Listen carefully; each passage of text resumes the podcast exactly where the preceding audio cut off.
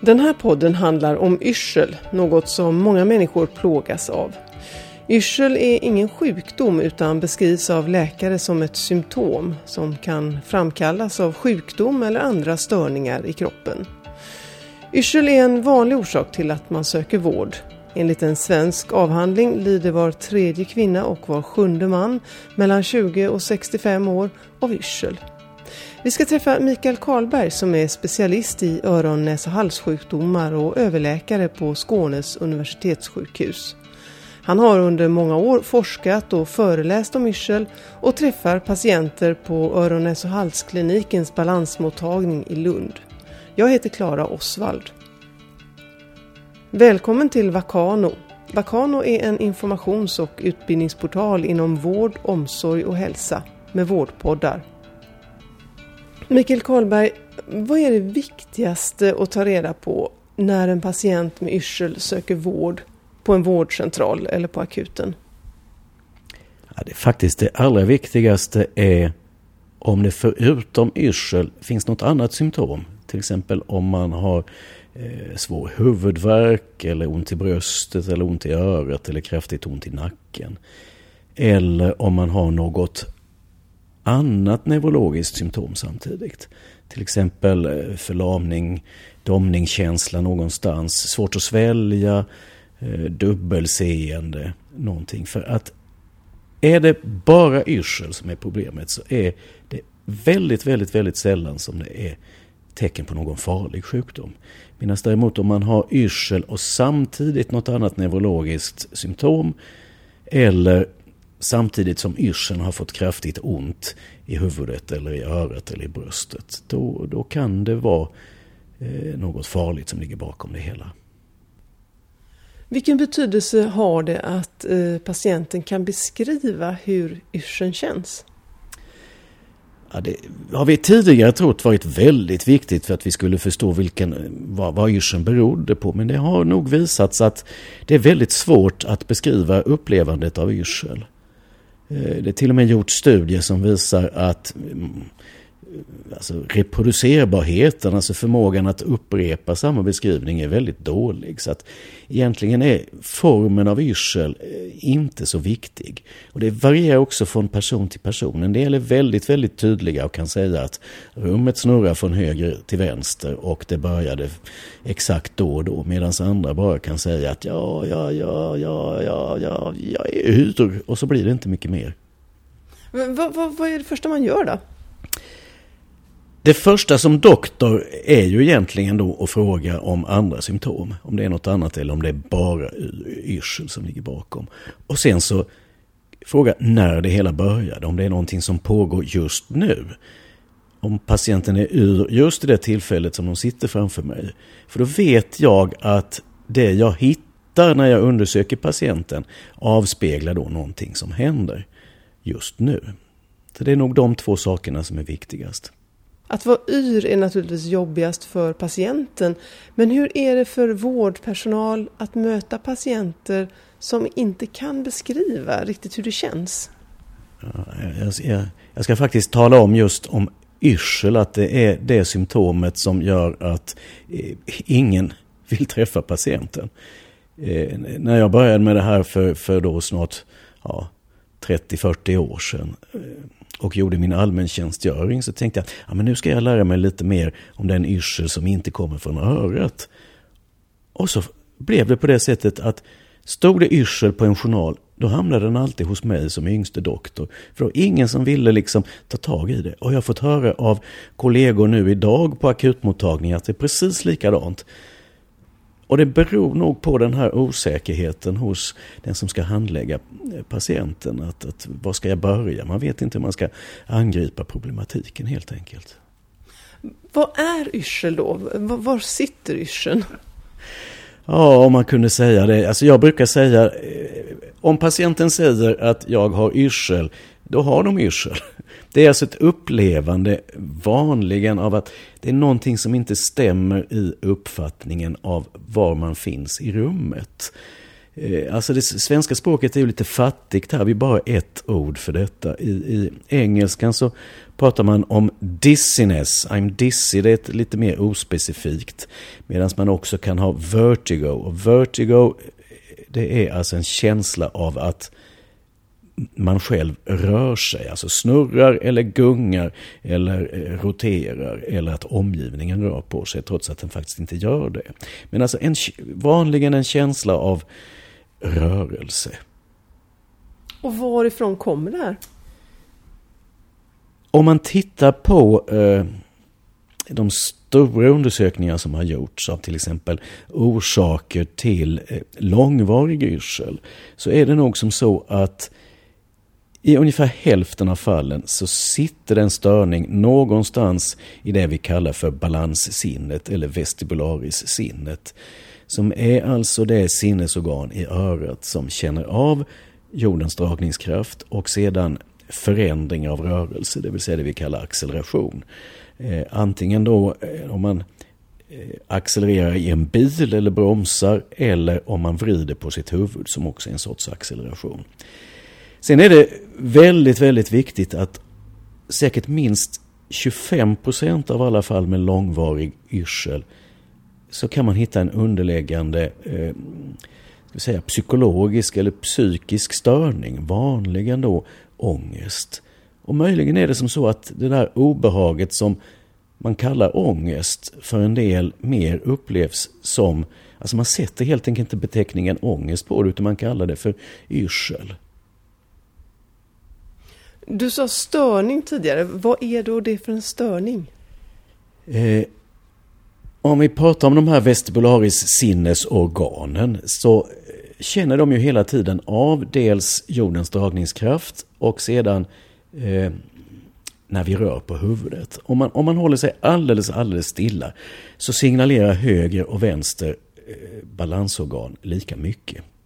Men så fort man gör en, en huvudvridning eller en huvudrörelse så ändrar sig de här signalerna in till hjärnan. Och då eh, förstår hjärnan att nu gör jag en rörelse och då ska det utlösas kompenserande reflexer som gör hållningsmuskulaturen ändra sin spänning och ögonen kan flytta på sig för att man ska kunna hålla blicken stilla. Men om det är någon sjukdom som plötsligt drabbar balansorganet så att signaleringen från ena sidan antingen ökar eller minskar. Då uppstår samma eh, ändring av signalen som vid en normal rörelse. Men eftersom det inte sker någon rörelse så kommer de olika sinnesorganen i kroppen att eh, eh, signalera olika saker. Balanssinnet säger att ja, men du rör på dig medan syn och känsel säger nej du står stilla.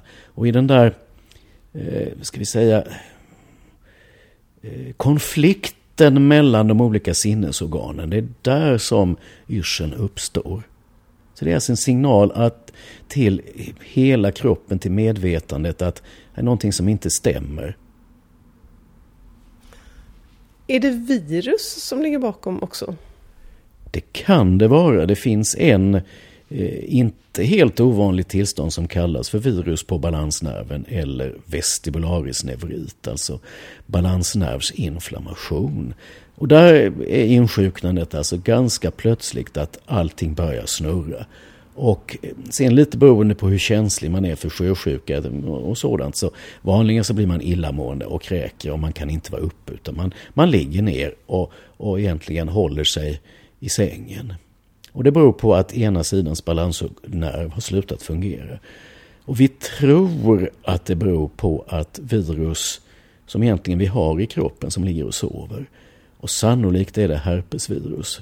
För det har vi egentligen alla drabbats av och det blir vi aldrig av med. Eh, de ligger och sover i balansnerven och så plötsligt av någon anledning så vaknar de här virusen till liv och börjar då eh, att fortplanta sig. Och det förstår kroppens immunförsvar ganska snabbt att oj, nu är vi angripna och då angriper kroppens immunförsvar de här virusen och då blir det en inflammation. Och de här nerverna, balansnerven, den går i en trång benkanal i tinningbenet. Och min, min tanke är att den här inflammationen gör att nerven svullnar. Och så blir det eh, så att säga, en, en inklämning av nerven Ungefär som om man somnar på armen och eh, känselnerverna slutar fungera. Till vilken hjälp är det för dig som läkare att du, att du ser att det kan vara så här? Eh, det gör ju att vi faktiskt har kunnat eh, bättre behandlingen av de här. För tidigare, fram till för tio år sedan, så sa vi bara, ja visst, vi försökte ställa rätt diagnos och sen fick patienten vila några dagar medan den värsta yrseln gick över och sen börja träna eh, på rörelser som så säga, stimulerade balanssinnet och till slut gör att det ställer in sig bättre. Men eh, de här tankarna och faktiskt en del vetenskapliga studier eh, har visat att om man mm, tidigt i skedet efter att man insjuknat i den här balansnervsinflammationen. Om man då behandlar med väldigt höga doser kortison så verkar det som eh, att man betydligt snabbare tillfrisknar och att den här skadan på nerven blir inte bestående på samma sätt alls. Att det har faktiskt kunnat förbättra behandlingen för många patienter. Det är ju väldigt positivt då. Men samtidigt så säger du att eh, du hör då från akuten att det fortfarande är så att eh, yrselpatienter blir så att säga, ställda längst bak i kön. Nu har ju du hållit på med det här i så väldigt, väldigt många år. Eh, vad kan du se ändå i är förändringen? Alltså det sker väldigt, väldigt mycket. Det har faktiskt det har blivit ett nytt intresse för yrsel. Eh, både i eh, USA och faktiskt också i Sverige att förbättra eh, omhändertagandet och snabba på och öka kunskapen för de som jobbar på golvet på akutmottagningen. Så att just nu så, så är det ett stort intresse överallt. Det pågår i Sverige. Just nu framförallt i Umeå förbättringsarbete för att vi snabbare och eh, säkrare ska kunna ställa diagnosen. För problemet med den här akuta yrseln är att ibland så kan det vara tecken alltså egentligen på en livshotande, på ett stroke. Och det är vanligen då i, i den lilla hjärnan som kan vara väldigt, väldigt svårt att skilja från den bilden hur det ser ut när man har en virus på balansnerven. Men det går och det behövs alltså inga, behövs inte mycket, behövs inte mycket till eh, röntgen eller teknik utan det är egentligen kunskap om hur man undersöker patienten. Och det pågår alltså mycket förbättringsarbete på detta. Så att eh, jag känner mig mm, så här väldigt glad att äntligen så, är det någon, så, har, så har folk börjat nappa på detta och inse att ja, men det här är spännande, det är intressant och man kan göra stor skillnad. Finns det andra nyheter i behandlingen som är, som är värda att ta upp? Ja, det som har kommit och revolutionerat de, ska vi säga, de sista 20 åren sedan jag började med detta är ju behandlingen av det som i folkmun nu kallas för kristallsjukan. Det vill säga att eh, i inrörets balansorgan, det vi kallar för öronstensorganen som är eh, inrörets lod som egentligen känner av då eh, vad som är upp och ner, jordens dragningskraft. Eh, det kallas för öronstensorganen för att det är mikroskopiska kalkkristaller som fungerar som barlast här inne. Och de här kristallerna ska sitta fast. Men med åldern så blir nog klistret som håller dem på plats lite dåligt så att de har en tendens att lossna ibland. Och då kan de här eh, små kristallerna halka in i den andra delen av balansorganet som kallas för båggångssystemet som då känner av eh, huvudrörelser. Och om man då gör en lägesändring av huvudet i förhållande till gravitationen, till exempel vänder sig i sängen eller reser sig ur sängen eller lägger sig ner, då kommer de här lösa öronstenarna att halka runt i båggångarna och göra, ge då en stimulering så att eh, balanssystemet tror att man slår bakåtkullerbyttor eller framåtkullerbyttor. Och det är ju oerhört skrämmande när man kliver ur sängen på natten för att gå på toa. Att man eh, far rakt in i garderoben till exempel och blir jätteyr. Men det har vi alltså lärt oss dels hur man diagnostiserar och sedan att vi egentligen väldigt enkelt med hjälp av jordens dragningskraft och att vi långsamt vrider patientens huvud på vissa sätt så kan vi alltså flytta de här lösa öronstenarna så att de hamnar där de ska vara. Och då försvinner alla besvären. Så att egentligen är det en unik sjukdom. Att man på fem minuter kan ställa diagnosen och sen fem minuter till faktiskt kan bota patienten. Utan några hjälpmedel, utan några mediciner, utan några eh, dyra prylar och egentligen utan några risker. Och det mest fantastiska är att vi har ju evidens för att vi nästan botar varje patient. Och det finns inte någon annan sjukdom inom någon specialitet som når upp till sådana resultat. Du jobbar ju då på balansmottagningen. Vilka patienter är det som bör få komma dit? Ja, det är ju framförallt de som är lite mer krångliga, eh, säger jag. Men vi har ju lärt oss på det sättet så att våra assistenter som är då biomedicinska analytiker eller sjuksköterskor eller audionomer har lärt sig att både diagnostisera och behandla de här lägesyrselpatienterna. Så att om det i remissen verkar som så att ja, men det här kan nog vara lägesyrsel, då eh, går de direkt till våra assistenter och eh, i de flesta fallen så kan de både diagnostisera och botas där. Sen har vi egentligen det jag nu ser mest av på balansmottagning. Det är de lite krångligare, mer långdragna fallen. Och då är det dels det som vi faktiskt nu har fått internationell konsensus på vad vi ska kalla det. Det låter väldigt komplext. Persisterande postural perceptuell yrsel. Det vill säga en, en väldigt långdragen eh, ostadighetskänsla. Som tidigare kanske i Sverige har benämnts spänningsyrsel. I vissa fall kan man prata om psykogen yrsel etc. Och där finns egentligen inget sjukligt att se vare sig med röntgen eller med tester utan det här är på något sätt att balanssinnet har blivit överkänsligt och eh, signalerar hela tiden lite fel. De här patienterna behöver en noggrann utredning för att man ska komma fram till rätt diagnos. Och sen är det som så att intressant nog har vi hittat att serotoninmodulerande mediciner som sertralin, citalopram med mera som man sedan ganska lång tid har använt för att behandla ångest och depression intressant nog ofta har en mycket, mycket, mycket god effekt mot den här yrseln.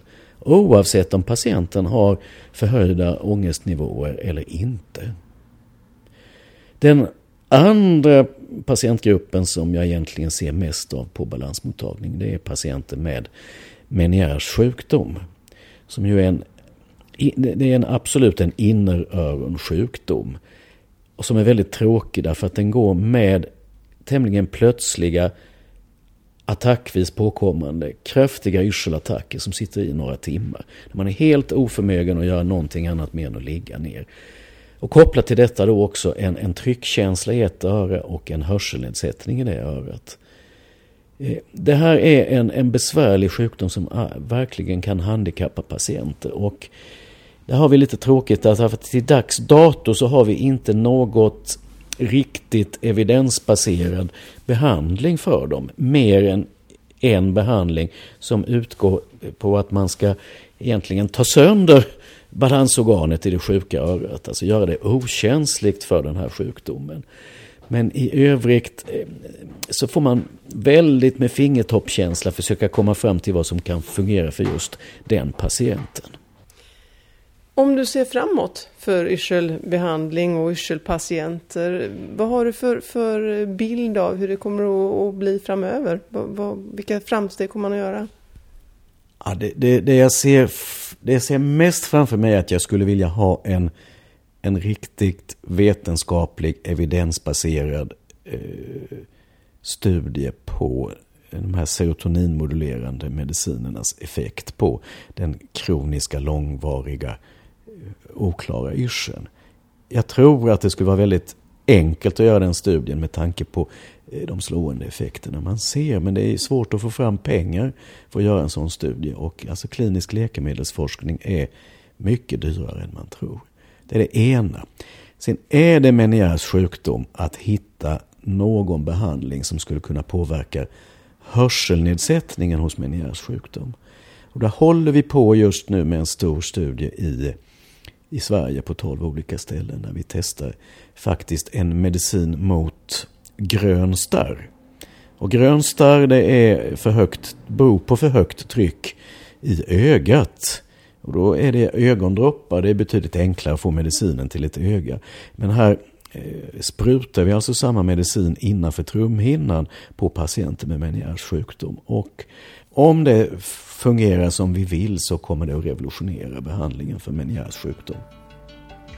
Tack överläkare Mikael Karlberg för den här intervjun om yrsel. Du har lyssnat till en podcast från informations och utbildningsportalen Vakano och jag som ledde det här samtalet heter Klara Osvald. Vi är tacksamma för dina synpunkter på programmet och kanske har du tips eller önskemål på andra spännande forskningsområden inom vård, hälsa och omsorg. Kontaktuppgifter hittar du på vakano.se och där hittar du också andra intressanta poddar och artiklar. Välkommen dit!